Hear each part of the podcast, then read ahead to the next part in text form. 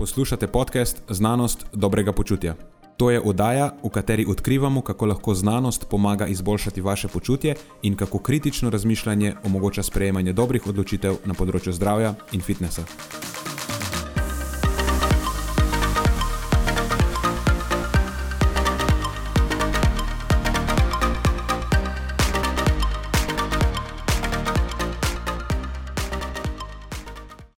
Pozdravljeni, z vami smo Nenad in moj sovoditelj Marijo.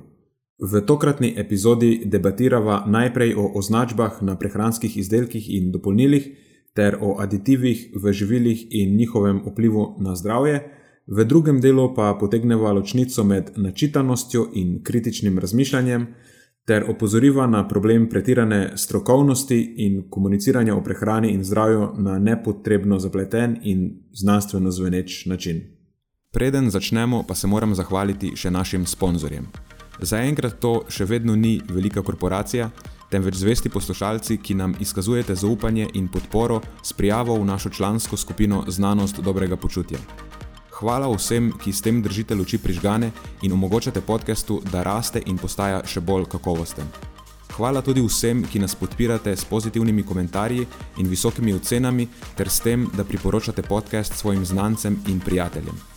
Zdaj pa je končno čas za začetek epizode. Uživajte ob poslušanju.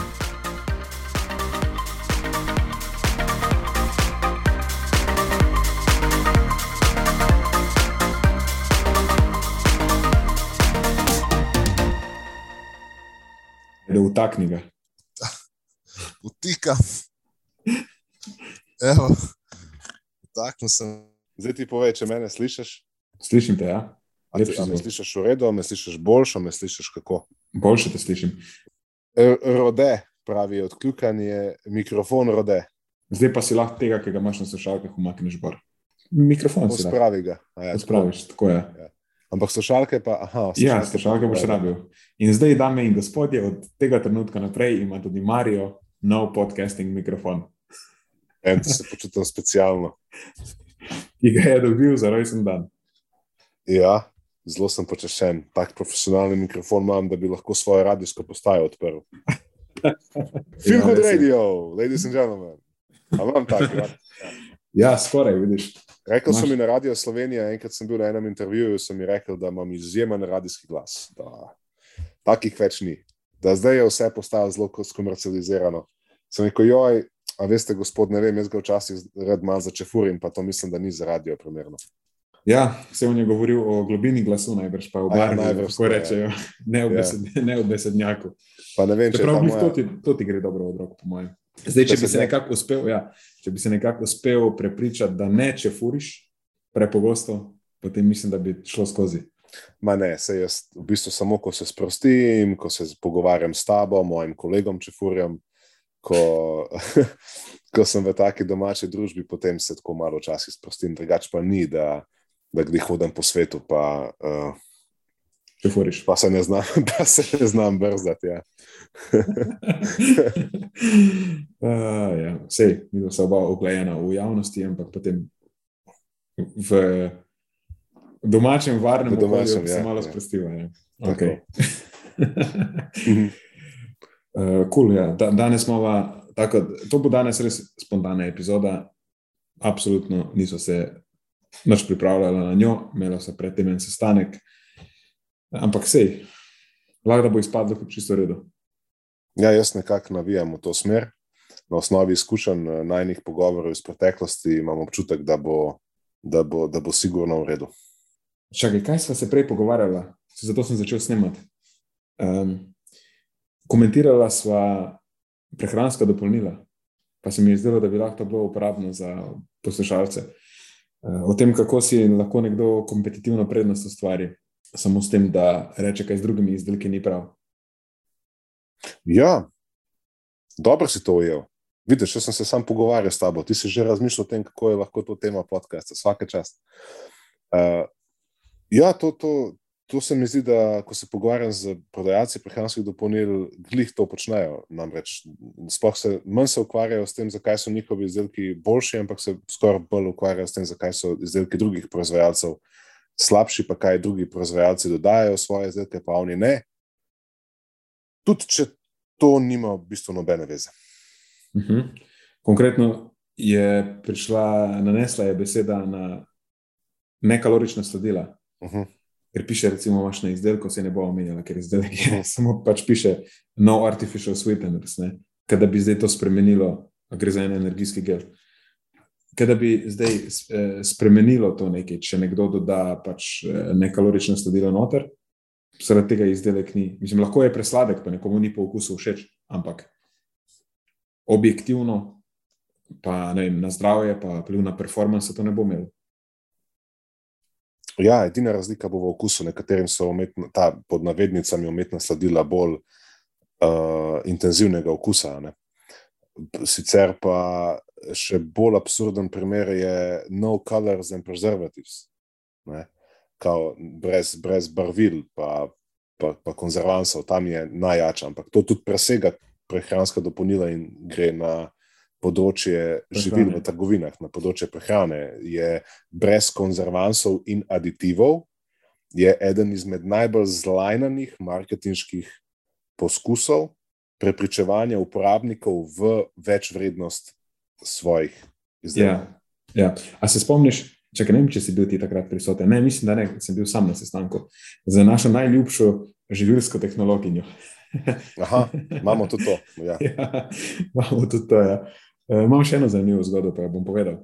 Uh, včeraj na, uh, na enem predavanju sem slišal, to našo najljubšo živilsko tehnologijo uporabljajo kot učni primer slabe živilske tehnologije. Oj, oj. Ja, uh, ker pač v okviru vaj pri tem predmetu se testirajo določeni izdelki iz uh, primerjajo deklaracije in primerjajo realno, ne, analitsko. Preverijo in ugotovijo, koliko se deklaracija in dejansko osebnost določenih hranil razlikujeta. In, in vsako leto najdejo par deklaracij od te naše najljubše živilske tehnologije, ki ne ustrezajo in tudi vejo, kaj je napaka. Pride do razlik med tem, če ti vnašaš, ko delaš deklaracijo, surova živila, ampak potem enako maso dodaš kuhanega živila. Valjda potem ne bo isto.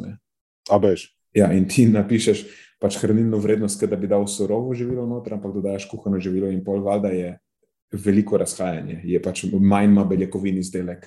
Tako da tudi veš neke stvari, ki so se jih mi dva spraševala včasih, ko so gledala določene deklaracije, veš zdaj, ki je problem. A, vidiš, zdaj si mi to kar uživo povedal. Ampak, ampak, ja, ampak vse ima veze, se noben ne ve. Uh, ampak gre se za to, da, kaj sem hotel reči, Aha, te aditivi. Uh mhm.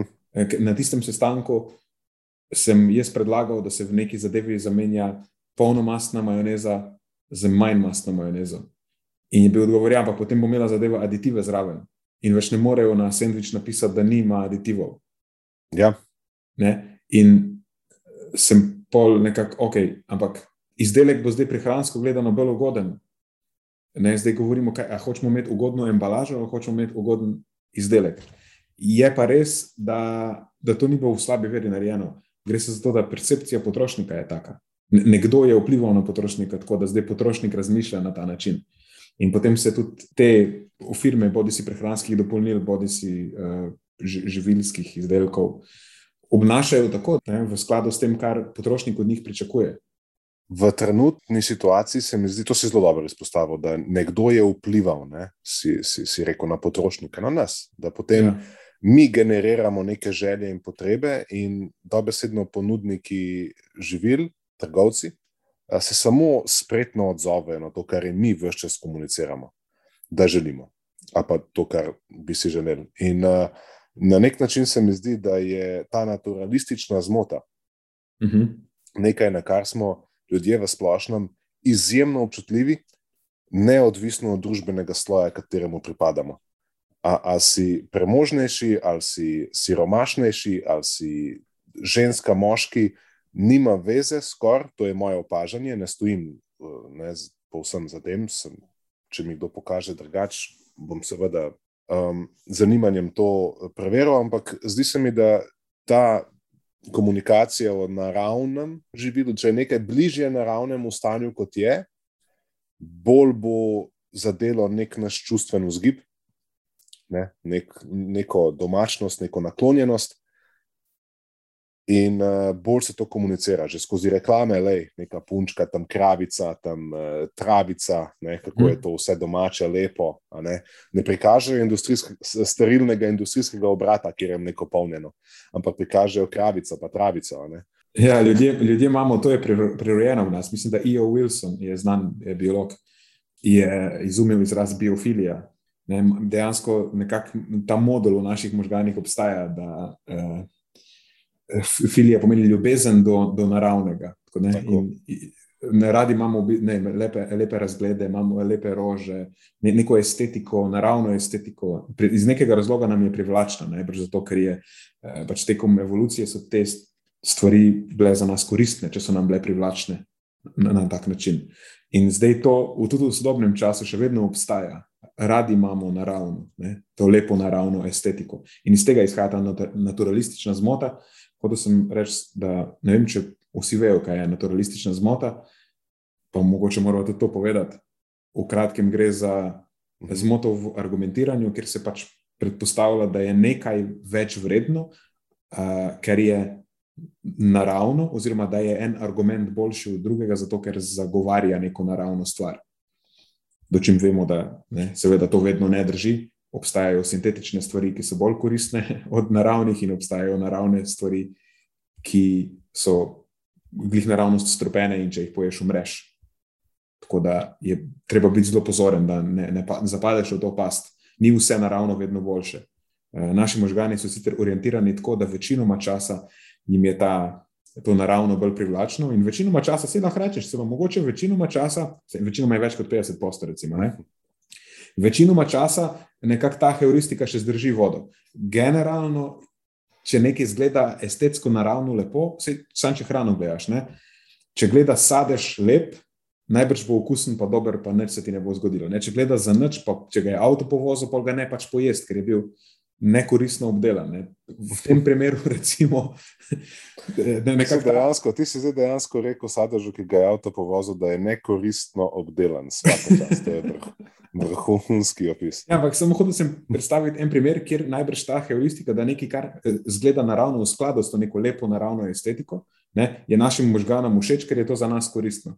Dočim nekaj, kar je pač zgleda grdo, pa ni v skladu s tem, je za nas nekoristno.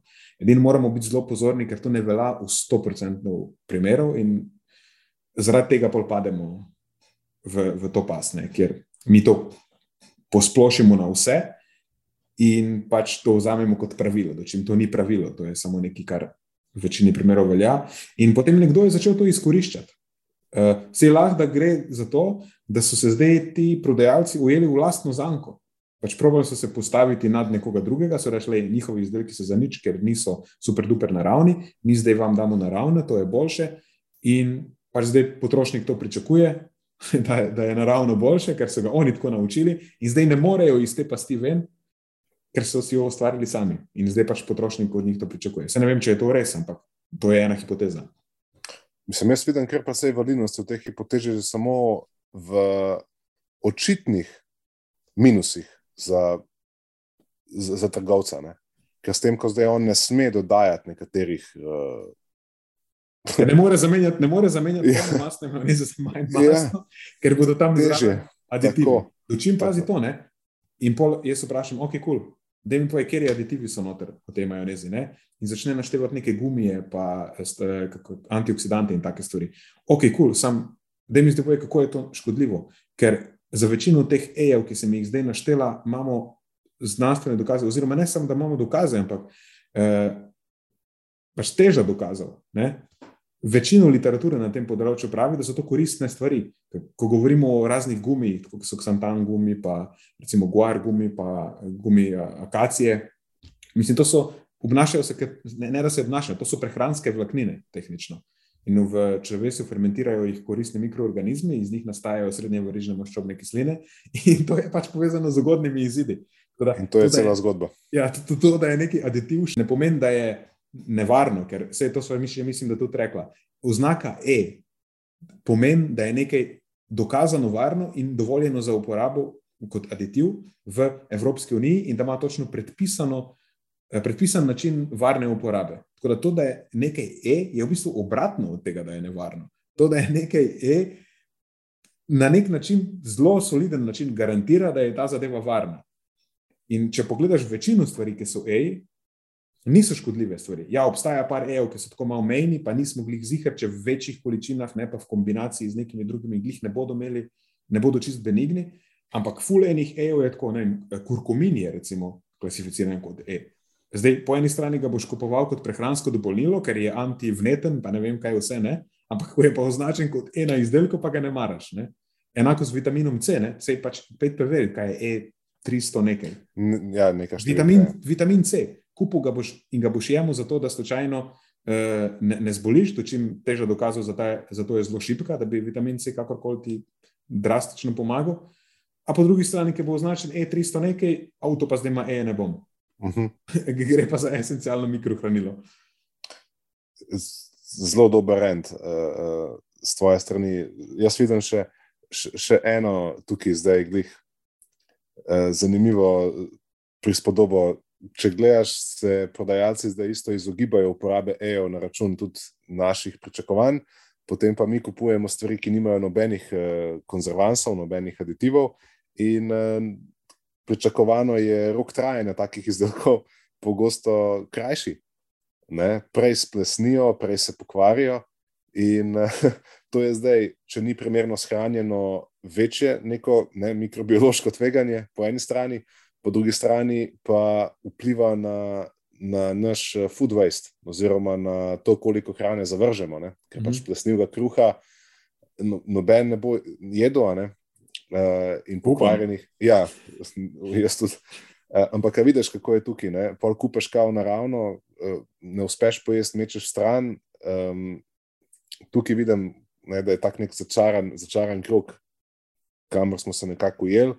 In zelo redko, praktično ne slišim eh, iz pogovorov z ljudmi, ki prihajajo k nam na coaching, se, se veš, ko pride tema pogovora do te točke, je praktično vedno isti odziv. Ne? Ljudem to ni blizu in imajo do tega odpor. In enkrat nisem slišal, vse mi je vse en, se to pač. Ne? Ljudje ne. Ne, tudi če mu daš neko racionalno uh, razlago za to, se mi zdi, da je ta neka emocionalna, kot si ga prej zelo dobro opisal, evolucijsko pogojen nek uh, vzorec v nas, ki nam preprečuje, da bi to sprejeli, čeprav morda razumemo zdaj v teoriji.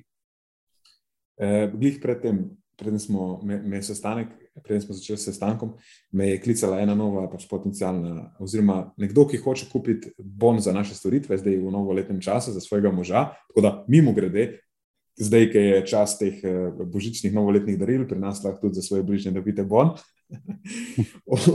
Kaj se hoče reči? Je to, da ona je zdaj klicala pač za svojega moža, da bi mu podarila uh, coaching. E, na koncu vse so se lepo zmenili, super punca, nimaš kaj.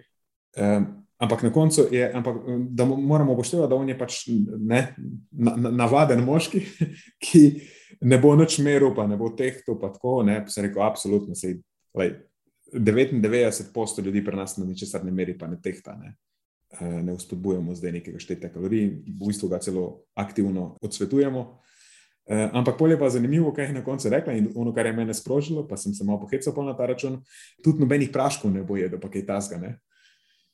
Pa sem jaz rekel, no, zviš tukaj pa zdaj imamo problem, ker mi pa absolutno ga bomo pravili uspodbujati v tej smeri, da bo mogel jesti praške. Ne?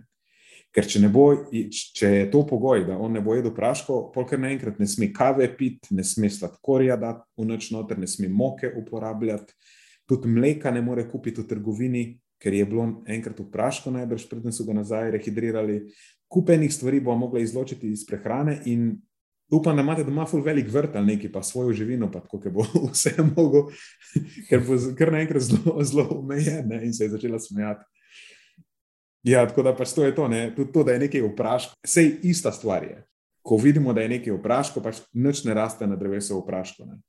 In je avtomatsko ta impuls, to je pa zdaj.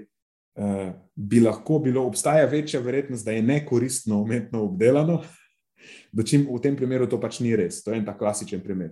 Samo zato, ker je nekaj vpraško, še ni s tem nič narobe. Samo od, odvzeta je voda. To je to. To je, to je ena in edina stvar, ki se je tukaj zgodila v tem procesu. Mislim, ne, če je nekaj vpraško. To je predpogoj, da nekaj postane vpraško, da se oduzame voda. Nič drugega se ne rabi narediti. Eh, karkoli dejansko pač razliješ, pa pol če je v takem stanju, da ne bo uh, mikrobiološko obdelano v tem procesu, pa se bo pokvarilo, bo pač voda izklapela in boš imel zadevo v prahu. Ne, s tem, da z živili načeloma to ne moreš delati, ker se pokvarijo. Lahko pa industrijsko pač odzameš vodo zelo hitro. Že v prejšnjem najnem pogovoru se mi zdi, da smo načela temo uh, tega nekakšnega racionalnega razmišljanja. Ne? In se mi zdi, da večkrat se mi dva pogovoriva o tem, da kako na področju prehrane marsikdo pade. Da, da je lahko na nekih drugih področjih uh, uh -huh. izjemno kritičen, uh, zelo v bistvu, racionalen. V bistvu, ja, ne, ne kritičen, samo lahko je zelo načitan na svojem področju. Načitan, no? ja. Pa tudi ja. mogoče bi demonstriral neke, neke vzorce kritičnega razmišljanja tudi na tistem vzorcu, uh -huh. uh, na, na tistem področju. Ja. Ampak, ko pa potem pa samo področje zamenjaš ne, uh, in mu daš prehrano, tukaj pa vse, kar je demonstriral drugod, pade. In to je meni fascinantno, res mi je fascinantno. Um, in to govorimo o vrhunskih zdravnikih, mednarodno priznanih, do, do mislecev, ne, filozofov, do različnih ljudi, ki so izjemno, um, recimo, njihove kognitivne sposobnosti so pričakovano zelo visoke in imajo nek, neko višjo senzitivnost do teh nekih. Logičnih zmot, da je tako reči. Ampak na področju prehrane z enako verjetnostjo nasedajo na vse te um, pasti, ki si jih ti zdaj samo nekaj eh, predstavil, kot pa vsi ostali ljudje. In to je meni, ne, poja, ne, ne, ne morem pojasniti. Imam no, hipotezo za to. Ja, pred kratkim smo se pogovarjali, sem da uvod naredim, da je področje prehrane eno tako eh, en, tak edinstven training ground, kako bi temu rekel, ena taka edinstvena telovadnica za trenirati kritično razmišljanje, ki je pač res težko. Dokazi so, Eh, niso tako eksaktni, kot lahko recimo, ne vem, nekaj stvari demonstriramo ne, v teh bolj, kako bi rekel, temu, trdih znanostih. Kupljenih eh, motečih dejavnikov, kupljenih neznanih stvari. In se zelo hitro ujameš v take zanke, sploh če prihajaš iz nekega drugega področja, pa teh vseh specifik ne poznaš. In moraš imeti res tako bazično, kritično razmišljanje, to, to veščino moraš imeti res dobro razvito, da se eh, po domače povedano ne za, ne, vemo kaj. Hm. Eh, In zdaj imaš te ljudi, ki so dobri strokovnjaki na svojih področjih, tako sploh zdravniki so taki, ki se jim zdi, da pa ste oni vejo medicino, oni bodo v prehrani absolutni heroji. Ne? To lahko kar, kar ekstrapoliraš, da je vse stvari iz medicine v prehrano. Um, samo gre se za to, po moje, da oni nimajo dejansko krit, kritičnega razmišljanja, te veščine razvite tako um, na nekem kako bi temu rekel, eh, kritičnega razmišljanja kot neke samostojne veščine. Ne? Tako, ker recimo, ko se matematiko učiš, najprej uno, ena plus ena je dva, pa pa se poštevam, ko naučiš, pa tako ne. Ampak so te osnovne korake preskočili, eh, ne znajo biti v osnovi eh, kritično razmišljajoči, pa so se naučili na stvari, ki jih morajo biti pozorni na nekem višjem nivoju na svojem področju. Ne? In oni zdaj na svojem področju točno vejo, na kaj točno morajo biti pozorni, kje so potencijalne pasti. Tako, zgradili so neke take, pač na pamet so se naučili, po domače povedano. Ne, ne, nimajo tega, temu se reče. Uh, Uh, first principles thinking je, ne, se mi zdi, uh mhm. -huh. se reče, ki pač veš, kako nekaj deluje, zakaj je tako, pa potem lahko te stvari preneseš na neko drugo področje. Ne, oni pač na svojem področju, na pamet so se naučili, kjer morajo biti pozorni, ful dobri so na svojem področju in pač manevrirajo po tem področju super spektakularno. Potem pa pridejo na neko drugo področje, kjer pa več teh stvari ne moš točno tako prenesti, ampak bi mogel vedeti, ne, first principles, kako zdaj znova si bazo znanja zgradiš. In tukaj se potem, po moje, uh, tukaj pride do kratkega stika. Všeč mi je. Ja. Je, je, pojas, je pojasnilo, je, je pojasnilo, ki mu težko najdem luknjo. Um, Ker kritično razmišljanje samo po sebi, tega se učiš v okviru fil filozofije znanosti. Recimo, to bi jaz rekel, sicer nimam pojma, ker nisem hodil na filozofsko, pa se tega učil. Ampak predvidevam, da uh, v kritičnem razmišljanju, more, mislim, vse to je stvar, ki se je razvijala tako, ne vem, od razsvetljenstva dalje, kot je 400 let ali pa še več. Ne? Mislim, še pred razsvetljenstvom, recimo. Ne? To ima nekaj, že v antiki najbrž ima neke korenine. Ne vem, pravim, nisem jaz filozof, ampak. Uh, se je, ta zadeva se je postopoma razvijala in obstaja cela filozofija za tem, kako ti ugotoviš, ali imaš prav, ali imaš narobe, ali kakšna je neka verjetnost, s katero trdiš, da to bi mogoče lahko bilo res, to bi ne, ne bilo res. Ne? In če se tega ne naučiš v osnovah, da ne postaviš osnovnih temeljev in lahko potem to stvar zdaj apliciraš kamorkoli češ, um, ne pa je to problem. Zdaj si, me, zdaj, si me, zdaj si me spomnil na nekaj. Eh, tvoje besede so me. Uh, ena naših uh, najbolj zvestih, uh, ne bom rekel strank, prijateljic, je ena zelo, poznaš jo, ena zelo. Mhm, ja, vemo, komu govoriš. Ja. ja, pri, zelo priznana profesorica na filozofski fakulteti. In zdaj si me spomnil na, seveda, kupico pogovorov z njo, tudi o prehrani. In to, kar si rekel, vsaj njen primer potrjuje. Ona ni na področju prehrane nasedla, kakšne stvari niso bile jasne. Mhm. Ampak na recimo naturalistične zmote, pogovarja se parkrat o gensko spremenjenih organizmih, pogovarja se parkrat o, o, o recimo kancerogenosti eh, rdečega mesa in o takih nekih temah, kjer bi neka taka knee-jerk reaction, pač taka neka reakcija bila vedno uh, za pričakovati, vemo v kateri smeri. Pri njej sem pa naletel, ne, se se to ne more. Ne? Tako je začela postavljati ta prava vprašanja. Ne? Se pravi, ne pozna tega področja, prehrana nek, je nekaj, s čimer se ona ne ukvarja, ne? ampak je začela postavljati prava vprašanja.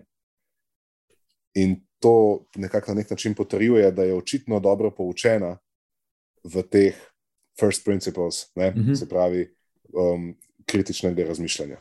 Ja. Vsaj v ja. njenem primeru. To, to bi bil nek klasičen primer, ne? kjer pač ti si, si odporen na te stvari, na kogenera, ker sam znaš postaviti dobro vprašanje. In mislim, da je to ena zelo pomembna veščina. Tudi če hočeš razviti neke kompetence na novem področju, po mojem, to rabiš, ker ga sam postaneš full hitro gimp. Ne? In to vidimo, da se dogaja vse splošno. Imamo neke full hude strokovnjake, doktorje tega in unega, pridejo na prehrano in začnejo govoriti neumnosti, ki jih ne bi govorili. Če bi znali kritično zares razmišljati, ker bi se v štartu že vprašali, ok, cool, v redu je zdaj. A je to zdaj res, a ni res, kje lahko najdem, a imam prav, a nimam prav, kakšne je teže dokazov. Takoj si začneš prava vprašanja postavljati. In se tudi, če pustijo prehrano ob strani, če se karkoli hočeš zelo hitro, učinkovito znova naučiti, je to uporabno. To je predpogoj, praktično. Ja. No, če se hočeš zares dobro naučiti. Ja. Pa hitro, da se ne uložiš parkrat. Ja. Ja, da se res ne zajebaš, parkrat, kot smo se vsi mi, ker tega ja. nismo imeli, ko smo štartali. Zdaj, jaz sem uh, se na nek način zavezal in predlagal, da je kritično razmišljanje naša vrednota skozi moje debate s tabo leta nazaj. In bolj kot sem se nasadil, bolj kot sem opazil, kako težko je, bolj kot sem poskušal prenašati te veščine na druge področja, bolj sem postajal do te vrednote ponižen in jo smatram kot eno najtežjih, ki jih imamo. Uh, in vidim, kako bolj kot jo obvladam, to sem samo hotel povedati, bolj opažam, kako je, je težka, res je težka. Res je, res je težko biti na različnih področjih, uh, ki presegajo tvoje področje, enako priseben, ne na sest. Uh, jaz včasih uh, namenoma treniram to, ne vem, dam si poročila zvečer, to mi je recimo dober trening, res dejansko poslušam poročila na različnih kanalih, uh, od Slovenije ena, potem da malo na, na Novo 24. Ne, in, in, in poskušaš na nek način sodelovati v, v teh, uh, v, v teh uh, debatah, s tem, da postavljaš pravo vprašanje in loviš napake v argumentacijah. Um, le, to je bilo čisto brezvezna stranska ulica tega pogovora, ampak samo tako hočem reči, da se mi zdi kot neka veščina, ki je v bistvu zares nikoli tako skozi moš trenirati, to sem hotel reči, skozi moš biti, nimaš tega, tako, ker, ne, vsaj meni se tako zdi, da, da, da, je, da se težko nekdo s tem zares okiti, ali pa sem vsaj za tega izjemno ponižen, ker sem se v preteklosti, uh, vemo, sem bil um, do tega od, odkrit uh, zaradi pomankanja kritičnosti uh, večkrat uh, nasadil, pa imam do tega tako večje spoštovanje zdaj, kot pa bi ga morda ali si zaslužilo imeti, ali pa bi ga imel nekdo, ki je, kot si rekel prej, se že v štartu hitro in dobro učil. Eh, Všeč mi je tudi to, kar si povedal, ne, da je treba biti zelo jasen v razmejevanju kritičnosti in ciničnosti. Eh, To smo se večkrat pogovarjali, mislim, da si tudi na podkastu izpostavil to večkrat, pa se mi zdi, da se še vedno premalo krat pove. Še v trenutnih družbenih razmerah, ki obsegajo najrazličnejše teme, opažam, da se to zelo pogosto uh, meša med seboj. Um, skoraj da delanje norca, pa postavljanje butastih pred, predpostavk je zdaj že uh, mera skoraj da izkaza kritičnosti in to je, mislim, da napačno potno. Kritično razmišljanje ni dajanje dol nečesa, ali pa tako Ja. pač ho- hoja po nečem brez, ne, uh, brez kakršnega koli razmisleka. To ni kritično, to je pač tako, kot si lepo povedal, uh, to je cinično. Uh, kritično razmišljanje je lahko zelo konstruktivno. Uh, v večini, ne, ne da je lahko, ampak v večini primerov je zelo konstruktivno, ker se iščejo napake in se takoj predlagajo rešitve. Ne, to, da pa ti samo nekaj povoziš, pa se nisi vprašal, ali sploh obstaja verjetnost, da bi bilo res ali pa ne, je pa nekaj čist drugega. To je pa pač sem ciničnost, da vse povsod vidiš neke negativne stvari, ali pa jih celo podpihuješ. Tudi ena stvar se, mislim, da men, zamenjuje neopravičeno z kritičnim razmišljanjem in to je neumnost. A, Mislim, Ja. zdaj na robe sem rekel, mogoče bi mogel reči ignoranca. Eh, Mislim, da je to nama zelo skupno. Mi dva imamo oba izjemen odpor do, do ne ignorance kot take, morda zavestne ignorance. Samovoljne neumnosti. Samovoljne, samovoljne ignorance. Eh, Recimo, več primerov jih morda poznamo, so bili odmevni.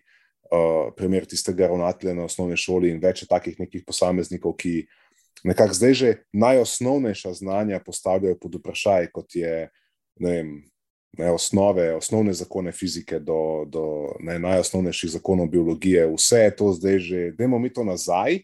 Ja, daj, mi empirične, daj mi empirične dokaze, da je, da je Zemlja obla. Veš, ono. Ja, ja, in da virusi povzročajo bolezni. Prosim, če mi specificiraš znanstvene dokaze, kje smo mi zdaj ugotovili, na kateri točki, da virusi povzročajo bolezni, ne, da so prenašalci bolezni. Se pravi, to so zdaj, vidiš, to, to ni več niti cinizem. Ne, to ni- nisem prepričan, da je cinizem. Mislim, da, da, gre, da gre tukaj dejansko samo za eh, neumnost. Ne vem, če je neumnost, ki je povezana z pomankanjem um, razumskosti, kokr pa neumnost, ki je predispozirana z pretiranim čustvenim odzivom na neko temo, Mhm. eh, pod vplivom katere je razumskost absolutno blokirana. In si potem samo um, počneš in govoriš stvari, ki jih morda še samo v nekem danem trenutku ne, ne, ne uspeš pojasniti. Ne sebi, ne drugim. Ja, mogoče res gre za neko manifestacijo popolne izgube kontrole zaradi No, nekega navala ja. čustev ali pa strahu. Ja, se strah je čustev. Ne? Ja, strah je osnovno čustvo. Uh, ja. tako, tako da, ja, absolutno, ja. se strinjam s tem. Eh, Veš kaj, prej sem hotel še povedati, ko smo se pogovarjali o tem, eh, da imaš strokovnjaka na enem področju, lahko pa potem se to ne prenese na drugo področje.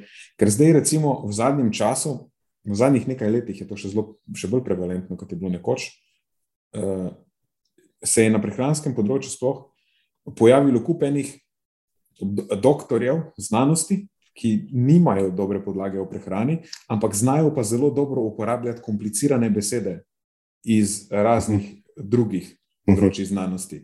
E, imamo en znan tak primer, je, recimo, ki je, ki je meni model je sicer simpatičen. E, ne morem reči, da govori neumnosti, ker jih ponavadi ne govori.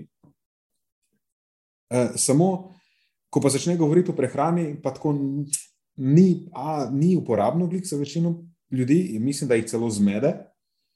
Um, v glavnem, na koncu bi njegov prispevek k področju prehrane ocenil kot negativen.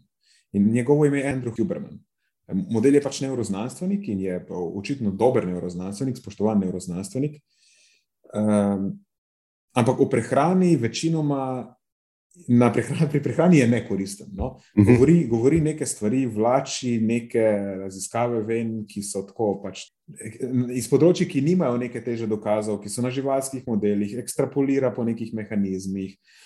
In eh, pol kar to ekstrapolira, da predvideva, da se bo pa to tudi zgodilo, če bi te učinke preverjali pri večji skupini ljudi, pa eh, da se, da se ne zapletam preveč. Eh, no, mislim, da je to zdaj, pa bo še bolj prevalenten problem eh, prehrane postal. Imamo tudi pri, v Sloveniji par takih problemov, kjer pač ljudje zelo dobro poznajo, vejo uporabljati zelo zapletene besede, slišijo se zelo science, vse so načitani, znajo ti našteti presnovne poti, na pamet znajo vse umestne postaje in vse encime, ki sodelujejo. Ne? Sam pol, ki pa pride do praktične eh, aplikacije tega, uh, ali pa celo mm, ekstrapolacije tega, ne, ko podajaš ti na svete, pač vedno probaš nekako na podlagi dokazov, ki jih imaš, literature, ki jih imaš, ne tudi ekstrapolirati to na, na tvoj specifičen primer, ker za večino specifičnih primerov, s katerimi delaš v praksi, nimaš konkretnih znanstvenih dokazov, pa tudi če imaš na, na tem uz, konkretnem vzorcu. Uh, oziroma, če posameznik, s katerim delaš, spada dejansko v en tak vzorec, ki je bil zajet v raziskavi, še zmeraj ti delaš s posameznikom, ne s tem povprečjem. Uh, Um, in pač ta tvoj posameznik spada nekje v stran od tega povprečja, najbrž. Nimaš jih take sreče, da si zadev glihunga na, na povprečju. Uh, in pač moraš, to pa zdaj kritično preceniti. Bi, hočem reči to, da biokemične poti, kot so v teoriji, se vedno popolno ne prevedajo v praktikalnosti fiziologije ali človeka, s katerim zdaj ti delaš. In sam zato, ker ti poznaš neko biokemično pot na pamet, pa vse encime, ki tukaj, tukaj sodelujejo, še ne pomeni, da ti lahko na podlagi tega zdaj točno veš, kaj se bo s tem tvojim posameznikom zgodilo, ker je preveč posebna oseba, da bi lahko to učbeniško gradivo kar presliko na njega. A misliš, da bi bilo zanimivo, če jaz povem praktični, svoj praktični primer točno tega, o čemer si ti zdaj govoril? Pa, lahko probaš. Bom probo, zato ker o tem nisem govoril. Um, ali pa sem samo mogoče bežno omenil. Ti mogoče poznaš to zgodbo, tebi sem jo zaupal. Uh, iz časov pred najnim poznanstvom sem se jaz lotil študiranja prehrane na način, kot si ga opa, opisal prej, kot neprimernega. Ne? Se pravi, preskočil sem razumevanje osnovnih principov in sem se poglobil uh, šele pri. Blih omenjal si zdaj, ne, od raznih procesov do nekih ne, malenkosti, ki so ki so se meni zdele fascinantne. In v tistem obdobju sem dobil tudi vzdevek prehranski leksikon, meni so govorili enciklopedija. Uh, in veš, če sem bil enciklopedija. Z perspektive sebe danes sem bil enciklopedija Govana. Evo, to je bil en primer te mojega čefurjanja. Um, ampak, veš, znal sem navdušiti slušatelje na predavanjih z uporabo premišljeno postavljenih velikih besed za namenom navdušenja, tako da, da, da pri njih vzbudim neko wow. Ne? Vem, da tega zihra ne vejo. In potem sem eh, skozi predavanje pozicioniral neke, neke koščke znanja, za katere sem bil prepričan, da slušatelji ne bojo vedeli, da se jim bojo zdeli fascinantne, ne zelo namerno. Nisem imel nobenega namena, koga zavajati, tudi tega nisem počel iz prodajnih namenov. Jaz nisem noben ničesar prodajal na ta račun, da bi namenoma zavajal. Samo meni se je zelo fascinantno, mislil sem, da nekaj vem, poznal sem neke procese, kako funkcionirajo, poznal sem neke spojine v živilih, ki imajo neke ne, vplive in tako dalje, da ne grem pregloboko. In točno to, o čemer si zdaj govoril, sem jaz takrat počel. Če bi me hotel nekdo sicerati, bi težko našel, kje se točno zdaj jaz motim, razen točno v tem, kar si ti zdaj izpostavil, nimam nobene prave, pravega dometa v praktični aplikaciji ne, na nivoju posameznika. Jaz sem bil takrat kot prehranski svetovalec precej zanač, to sem že večkrat izpostavil, in moja uspešnost pomoči ljudem je bila nizka, in to je bil eden izmed razlogov, zakaj. Ne, tako da navduševal sem množično z poznavanjem malenkosti, in ljudje so govorili, da sem jaz ful dober na področju prehrane, čeprav niso vedeli zakaj. Vedeli so samo eno stvar. Samo eno stvar. In to je to, da vem nekaj, česar oni ne vedo. In zdi se mi, da je to še danes v teh okoliščinah nekaj, kar nas fascinira. Če nekdo nam pove nekaj, česar mi ne vemo, ga bomo klicali kot tako, skriti, čudežni um, vele um nekega področja, ki ne ga bomo zdaj hvalili. Če pa nekdo ponavlja vse čas eno isto, bom rekel, pa ah, to, to sem slišal. To sem, yeah. Ja. ne, to sem slišal že, ne? to je nonsens. Vse človeški možgani imajo radi to, da se učijo. Imajo radi vedno, novosti. ja, vedno, ko se naučiš Vedno nekaj, kar je radi. tako na skrajni meji tega, kar že veš, ampak znaš to priklopiti v svojo, eh, ne, na svojo hrbtenico znanja, ki ga že imaš, to ti nekako ja, sproža tiste lepe, tiste lepe neurotransmiterje. lepe, ta fine. Uh, in jaz sem takrat na neki točki, potem, ko sem se tudi mi dva začela družiti, in ko uh, sem ugotovil, ko sem bil nekako sem se pogledal v gledalo, in, pa mi je bilo gledalo nastavljeno, sem spremenil način svojega razmišljanja o prehrani, in do danes sem najverjetneje zaradi neuporabnosti, povsem zaradi neuporabnosti, so te besede v moji glavi povsem zakrnele, odpadle. Um, te nesmiselne, neuporabne, kakšna je korist razlagati ljudem, ki ne vejo osnovne stvari pri prehrani, poštimati o, o, o biokemičnih in, in nekih poteh in presnovnih procesih. Ja, to je nekaj, kar moraš vedeti. Ampak to so, tukaj zdaj recimo govorimo o first principles thinking, eh, biokemije, ki ima veliko vlogo v prehrani. Ne? Ampak to je sam predpogoj. Lej, se jaz tudi vem na pamet zdaj našteti uh, intermedijade v Krebsovem ciklu, ampak nikoli svojim strankam tega ne razlagam. Ali pa po nekih drugih, veš, metaboličnih poteh.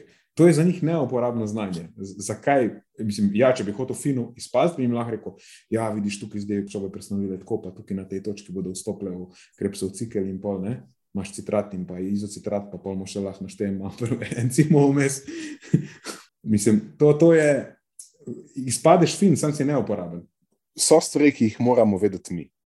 Ja, In so stvari, ki jih morajo vedeti uh, tisti, s katerimi delamo. In to niso iste stvari. To, to je, um, večkrat se pohecamo, da recimo, če mi komuniciramo o neki temi na lestvici od 1 do 10, na, dajmo reči, osmici. Ne? Z vidika kompleksnosti, uh, z vidika podrobnosti, strokovnosti. In potem so tukaj ušesa tistega slušatelja, ki so morda naštimana do točke dve, morda tri, za tiste, ki so prebrali kdaj kakšno revijo. In navidite, kje je ta razkol vmes med, med tem, na, s kim mi govorimo, in točke, s, nas, s katere nas poslušajo. In to je ta, ta gap vmes, to, to je treba zbližati. Ne? In težko bomo računali, da bodo zdaj stranke, da nas bodo bolje razumele, se predhodno učile biokemije ali pa fiziologije. Mi bomo mogli se stopiti na nek način z našega piedestala in se približati slušateljem na, nač, ne, na način, da jim komuniciramo malo bolj uporabno. Je pa to spet ne. Mi smo potem postali preveč random, s tem postaneš preveč random, s tem zgubiš en del svoje magije. To je zaščiten mehanizem, je, ki se drugače ne uporablja, to je edino, kar imaš. Fine besede. Tako se, skri- zato se lahko skriješ. Jaz sem ti super, duper strokovnjak, ti bom zdaj naštel, ti bom povedal celo to metabolno pot. Dočim, vse, kar si zdaj povedal, je odvečno, lahko bi mi povedal v petih besedah, bi mi lahko koristno informacijo povedal, pa bi dejansko jaz nekaj od tega odnesel. Zdaj, z vsem tem, da si ti prišel po tej dolgi poti uh, do konca, jaz sem že nekje na sredi nehal poslušati, ker nisem razumel, kaj mi govoriš. Tako da zdaj tega tudi, do, do kjer, na koncu, do česar si prišel, ne bom uporabil, ker sem se zgubil vmes. Meni to vse skupaj deluje kot en čarovniški trik, če sem iskren. Jaz, ko gledam čarovnike, jaz v času njihovega čaranja, meni pol klinca ni jasno, kaj se dogaja. Jaz ne razumem, kaj je zdaj, kam je zdaj on kaj skril. Jaz ne razumem procesa, jaz sem sam tako priklopljen sem. In potem na koncu, a ne, čarovnik naredi trik, ne, in sem jaz samo, wow, ne, model obvlada. In tukaj se mi zdi, da je podobno. Ne? Tri četrt časa, tako kot ljudje ne sledijo, ne vejo, kaj se dogaja. Oni so sami navdušeni in na koncu rečejo, wow, ta model obvlada. In tako kot pri čarovniku, jaz nimam pojma, kaj je on naredil, vem sam, da je bilo hudo.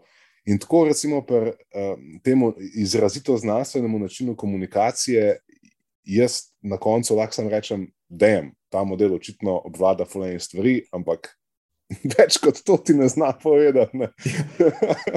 Pač ful bi bil dober, ne vem, profesor biokemije, ampak lej, Da, mislim pa, da je, mislim, da je pa, mislim, da je samo treba najti ustrezen prostor. Eh, Ti si zelo dobro napovedal, da to utegne biti problematika prihodnosti, če se ne najde ustreznega prostora za vse nas v tem nekem dajmo reči, odgovornem komuniciranju končnim uporabnikom. Mhm. Um, in glih to, ta displacement, um, tako da mi zdaj vsi smo v istem ringu, je za tiste, ki nas berejo, spremljajo, najbolj mo- morda problematično, najbolj um, konf konfuzno. Ne, ker zdaj smo vsi mi enako, nutricionisti, komunikatorji, uh, vsi mi zdaj govorimo o isti temi. In bi bilo morda lažje, če bi po, po različne type informacij hodili na različne naslove. Ne vem, če sem uspel to sploh. Um, Kar- primerno kar- razložiti. Kar mene mogoče bolj skrbi, je to, da zdaj zaenkrat ni, mislim, vse so, ampak mislim, da ni noben tako, vsaj jaz ne, ne poznam nobenega, zdaj tako prav poimensko, um, da bi izkoriščal to, veš, v, v slabi veri. Da, To zdaj res, ja. ja, da, da, to, da on zdaj zna ful teh eh, personalnih poti naštet, da bi se s tem ukoristil, ker ti lahko privlečeš neko množico ljudi, ki ti zaupa zaradi tega, ampak se na njih res grdo ukoristiš. Pač vzameš jim denar, prodaš jim neumnost. Ne? Zdaj, recimo, Andrew Huberman je tak primer, on pač samo proba. Na, raz, na enih področjih je full uspešen, pač ko govori na neuroznanosti, da je mu ga poslušati, ker pač tam je, je res dober. Eh, Zgodi se pa pol, ker začne malo tako o prehrani govoriti, da pove stvari, ki niso koristne, pa sam vnaša zmedo. Ne. Zdaj, tudi to glih meni ni všeč, ampak ni pa tako zelo maligno. Sam pač malo govori neumnosti, ne. ničesar glih konkretno ne prodaja, Ja. pa tako ne, ne ukorišča se na ljudeh. Ah, imamo več takih ukoriščevalcev, kar direktnih, a ne kot je, bolj kot je pa ta primer. Ja. Hotel sem izpostaviti samo to, da bomo mogli biti vedno bolj pozorni tudi na to. No? Da samo zato, ker nekdo uporablja velike besede, pa zveni znanstveno, to mu še ne daje legitimnosti. En tak primer je, evo, zdaj sem se spomnil. Če gledaš YouTube, mene se vedno posiljuje s to reklamo, zdaj zadnje čase. Neka zadeva je, v katero noter pihneš in ti pove, kjer substrat uporabljaš za energijo, zdaj pretežno. Ne? Vse vsi vemo, kako ta stvar deluje. Ja. Pač poveti, a zdaj trenutno kuriš večinoma oglikove Ja. hidrate za energijo, po domače rečeno, ali maščobe. Ne? Ja. In potem to ti kao nekako pomaga lahko shujšati. Ampak v bistvu ti nič ne pomaga. Sam poveti, kaj zdaj trenutno uporabljaš za energijo. Če bo- boš pojedel šuje s krompir, pa boš pihnil noter, pol ti bo povedalo, da kuriš hidrate, če nisi jedel že 6 ur, ti bo rekel, da kuriš maščobe. Uh, Big ampak surprise there. Ja, ampak na koncu dneva to ne spremeni tvoje energijske bilance. In tudi, če boš jedel samo maščobe, ti bo rekel, da pretežno kuriš samo maščobe, ampak če jih boš pojedel preveč, ne boš zgubil maščobe, boš pač sam kuril une maščobe, ki jih ješ. Um, ampak to je en tak klasičen primer, kjer imaš neko zadevo, očitno je to neka napredna tehnologija, do čim sploh ni, ker je zelo preprosta metoda. Uh, sem zdaj smo končno uspeli to v zadost majhno napravo noter zapakirati. Ne? In zgleda, oh, fuck, to je zdaj neka naprava, tehnološka rešitev, ono mi pove, koliko maščob kurim. Mm, očitno so tu zdaj v zadnji neki znanstveniki v zadnji za tem, to je ziger evidence-based, dočim ni, ni evidence-based, um, ni nobena znanstvena metoda, ki ti pomaga hujšati, ampak je samo nek kvazi znanstven način, kako se nekdo proba ukoristiti na vas. Je evidence manipulated, Recimo, ja. recimo. ja, a vidiš, to je pa.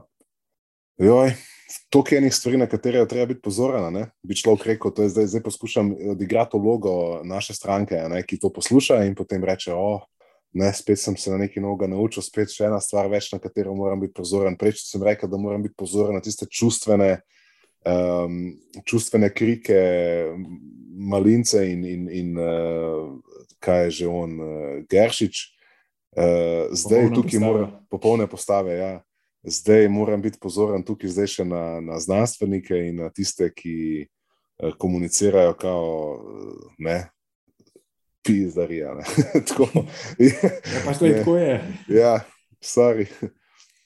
Ja, sej, Ja, če potegnemo črto, mislim, da se nam izteka čas, že, no, da ne bo spet predolga Ja, epizoda. sem imel glihen urco.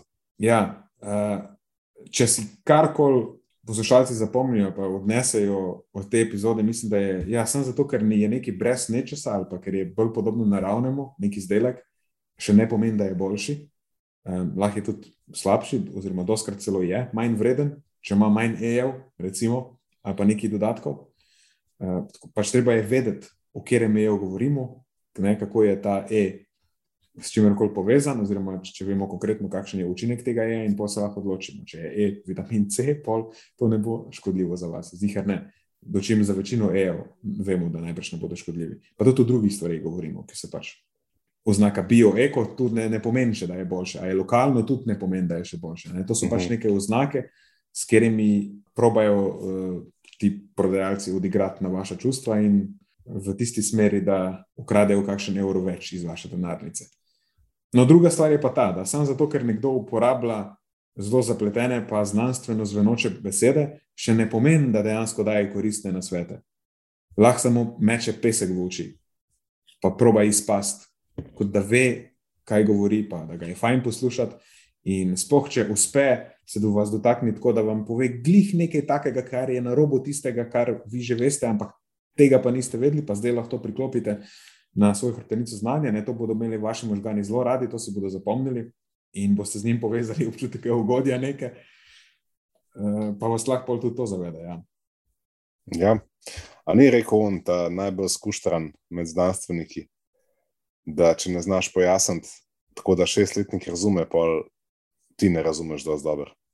Čist možno, da je to njegov cilj. Ja, mislim, da je, mislim, da je to, uh, vsaj v tem, seveda sem jaz to zdaj vse parafraziral skupaj, ampak uh, mislim, da je šlo v tej smeri, da ne, uh, je treba razložiti na kar se da enostaven način, ki ni seveda preenostaven preko točke resničnosti, ja, ja. same, po, sa, same razlage. Ja, ko nekaj zares obvladuješ, potem lahko destiliraš to res v najbolj preprosto obliko, tako da še ne zgubi točnosti, ampak narediš tako, da je maksimalno uporabno. Bi rekel, da je to neka svoje vrstna skorda uh, umetnost na področju uh, komuniciranja o prehrani. To je najvišji nivo znanja. Najvišji nivo, ja. In tudi s tem lahko ljudi navdušiš. Okay. A so nekaj povedali, da so bila, bila uporabna? Ja, jaz upam, da sem dobil, da, da bodo ljudje pohvalili ta zvočnik moj. Rode. Ja, je. Rod.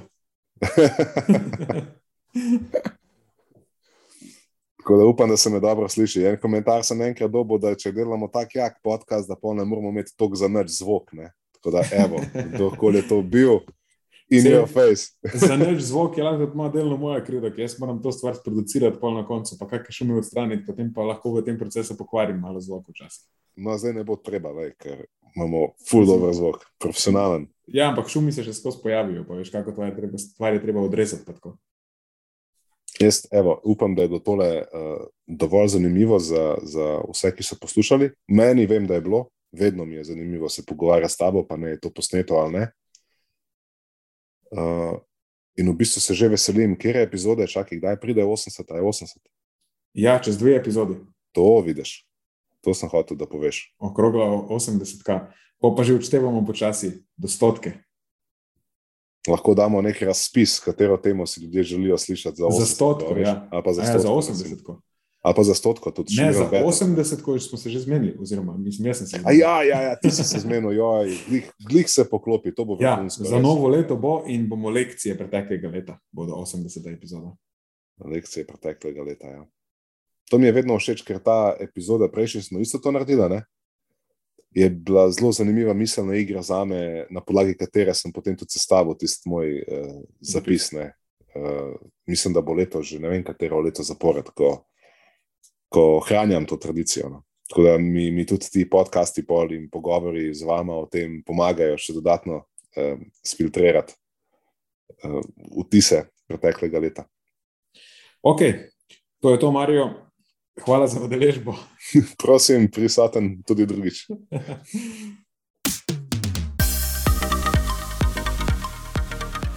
To je za tokrat vse iz naše strani. Hvala, ker ste poslušali do konca. Delite epizodo s svojimi znanci in prijatelji in jo priporočajte dalje, saj s tem omogočite, da sporočilo znanost dobrega počutja doseže čim večjo množico. Hvala vsem, ki nas podpirate s članarino in tudi vsem ostalim, ki delite podcast dalje in nam izkazujete naklonjenost z visokimi ocenami in pozitivnimi komentarji. Se slišimo prihodnjič, do takrat pa ostanite premišljeni.